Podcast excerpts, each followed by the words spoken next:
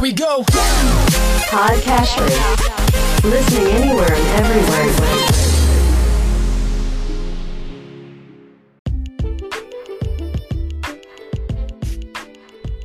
Oke, selamat pagi teman-teman FSC. Saya Hadi dari tim investment. Hari ini kita akan coba membahas mengenai isu yang sedang menjadi hot topic ya, yaitu coronavirus dan apa sih dampaknya coronavirus terhadap investasi kita. Mungkin itu jadi pertanyaan dari beberapa nasabah kita ya di lapangan. Nah, eh, sebelumnya kita mau coba dulu bahas beberapa data-data yang kita dapatkan tentang coronavirus ya. Jadi eh, memang coronavirus ini juga menjadi perhatian kita semua untuk terutama untuk saudara-saudara kita di apa di luar negeri ya terutama di China juga uh, tingkat kematian sudah menembus angka 2000 jiwa dengan total kasus itu per hari ini perekaman ini di podcast ini dibuat itu sudah mencapai 75.000 kasus lebih per tanggal 19 Februari pagi ini. Suatu apa virus outbreak ya yang kita katakan cukup menjadi berita internasional dan menjadi perhatian seluruh dunia saat ini dan kita sama-sama harapkan bahwa semoga upaya dari seluruh negara untuk saling mendukung membantu menyelesaikan virus ini supaya semoga cepat terselesaikan dan semoga korban jiwanya uh, tidak bertambah lagi. Oke, itu coronavirus. Uh, coronavirus ini juga sudah mencakup atau menjangkit ke banyak negara. Jadi kasusnya bukan cuma lagi di negara China, tapi negara seperti Singapura, Jepang, Hong Kong, Korea Selatan, Thailand, bahkan Amerika pun ada kasusnya. Bahkan informasi yang saya dap sorry, informasi yang saya dapatkan sebelumnya ini bahkan sampai ke negara seperti Nepal, Mesir juga ada kasus walaupun cuma satu. Jadi lingkupnya sudah cukup cukup jauh ya sampai ke Perancis segala juga ada. Jadi Eropa, Amerika, eh, terus Asia, terus Afrika juga sudah mulai kena. Um, tapi bagaimana sih impactnya terhadap terhadap ekonomi atau terhadap pergerakan fund kita untuk lebih detailnya. Nah pertama kita bahas dulu mengenai ekonominya. Jadi dampak ekonomi sudah pasti ke China itu akan kena sekali karena uh, fokus atau kasus terbanyak itu di China. Ya karena di China itu adalah banyak pabrik untuk manufacturing barang-barang yang diekspor ke luar negeri juga. Jadi China itu sebenarnya sebagai negara itu kan negara produksi hampir untuk seluruh dunia. Jadi pasti dia banyak banyak impor bahan baku untuk untuk dia produksi dan lain sebagainya. Itu akan terimpact pasti. Jadi uh, kalau kita ambil garis besarnya GDP China itu akan pasti akan terimpact karena pasti pabrik-pabrik itu nggak bisa buka karena lagi pada ada virus ini kan. nah, ada suatu data yang menarik dari Kementerian Perdagangan yang menyatakan bahwa saya mengutip dari Kementerian Perdagangan bahwa secara historical data setiap satu persen penurunan GDP di China itu akan berdampak pada penurunan GDP Indonesia atau ekonomi Indonesia sebesar 0,23 persen. Jadi kalau China itu turun satu persen, kita Indonesia turunnya 0,23 persen. Jadi impactnya lebih kecil. Ya ini sejalan dengan memang data yang dari uh, apa LPS dan sorry data dari pemerintah kita juga bahwa memang Indonesia itu ekonomi kita saat ini masih lebih dari 50% itu adalah konsumsi domestik. Jadi memang belum terlalu berimpact ke dunia internasional. Beda dengan Singapura. Kalau teman-teman baca berita terakhir-terakhir ini kan Singapura dikatakan bisa resesi gara-gara corona karena memang ekonomi Singapura itu sangat bergantung pada ekspornya. Domestiknya tidak tidak cukup kuat menopang.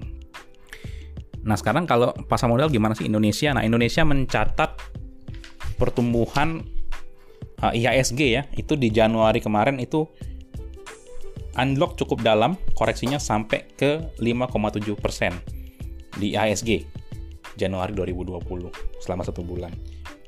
Ini memang berimbas juga karena kekhawatiran terhadap virus corona ini dan impact terhadap ekonomi.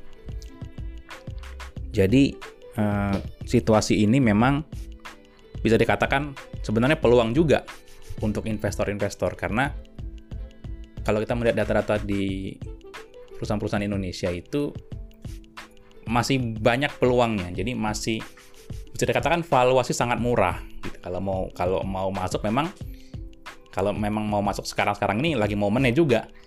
Cuma kita belum tahu sampai sejauh mana nih efek daripada virus corona ini. Jadi uh, kalau memang investor-investor merasa oh sekarang sudah cukup murah nih menurut investor, maka investor udah mulai masuk juga ke sana ke Indonesia.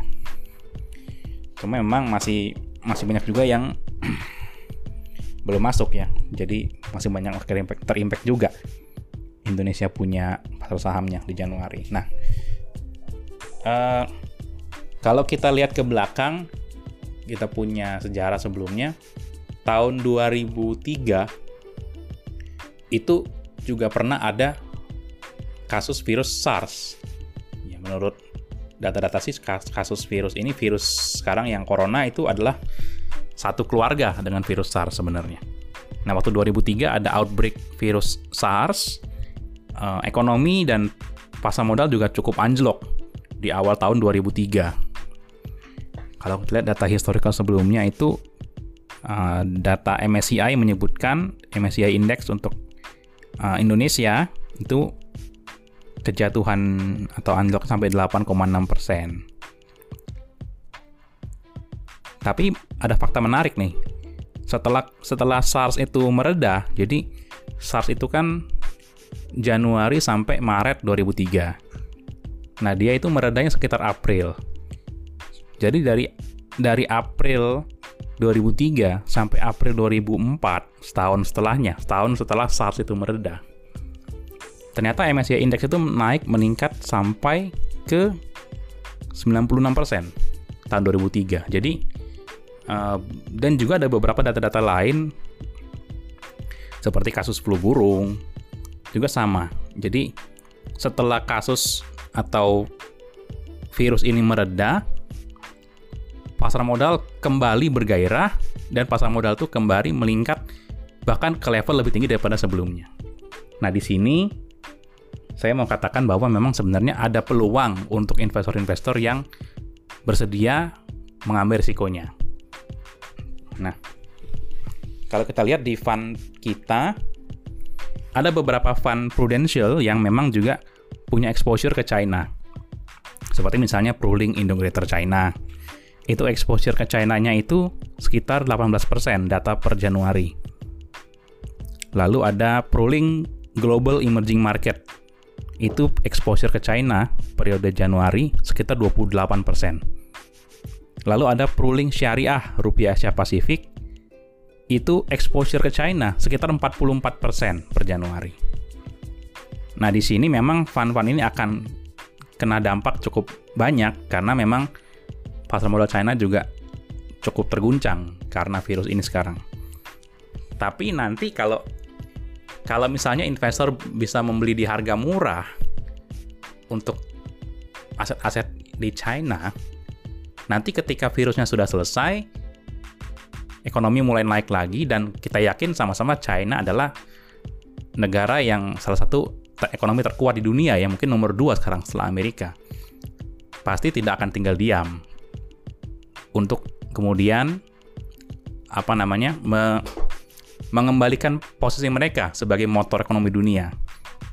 Jadi mereka akan lakukan beberapa hal yang pasti untuk kembali memompa atau membangkitkan ekonomi mereka setelah virusnya selesai. Bahkan sebelum virusnya selesai pun mereka sudah lakukan uh, beberapa inisiatif dari pemerintahan mereka untuk meningkatkan ekonomi seperti memberikan stimulus ekonomi, turunkan suku bunga dan lain sebagainya. Udah dilakukan kemarin. Nah, di sini saya mau menyampaikan satu fund kita yang cukup stabil uh, dan juga bisa menjadi pilihan di masa-masa coronavirus ini. Yaitu fundnya adalah Global Low Volatility Equity Fund. Nah, kenapa sih fund ini menarik di saat ini? Karena memang fund ini, Global Low Volatility ini, itu memberikan suatu hal, yaitu kestabilan ya. Dan dia ini tidak ada exposure ke China. Jadi dia exposure-nya kebanyakan di Amerika Serikat, itu sekitar 50%. Terus Jepang 12%. Jadi uh, China dia nggak ada posisinya. Dan untuk data performance, low volatility masih memberikan performance positif untuk yang mata uang US dollar. Untuk yang sebulan pertama Januari yang ketika semua lagi jatuh, uh, global low volatility yang US dollar masih memberikan performance positif 0,72% untuk periode Januari satu bulan yang dolar. Tapi yang rupiahnya itu negatif satu persen. Itu dikarenakan karena apresiasi daripada mata uang rupiah. Tapi secara aset sebenarnya performanya meningkat positif dibanding fund-fund lain yang memang ada uh, exposure ke China. Di sisi lain, karena memang IHSG kita juga terkoreksi 5% kemarin 5,7% per Januari kemarin, jadi fund-fund kita yang uh, investasi di Indonesia sendiri memang juga tertekan gitu. So I think saat ini memang untuk kalau nasabah-nasabah yang memang mencari yang lebih stabil itu bisa untuk equity fund ya itu bisa ke global low volatility baik yang US dollar maupun yang rupiah. Nah saya rasa sampai di sini informasi yang bisa saya sampaikan. Saya tunggu pertanyaan-pertanyaan dari teman-teman, feedback dari teman-teman nanti bisa disampaikan. Kan saya jawab nanti uh, via teman-teman juga. Thank you.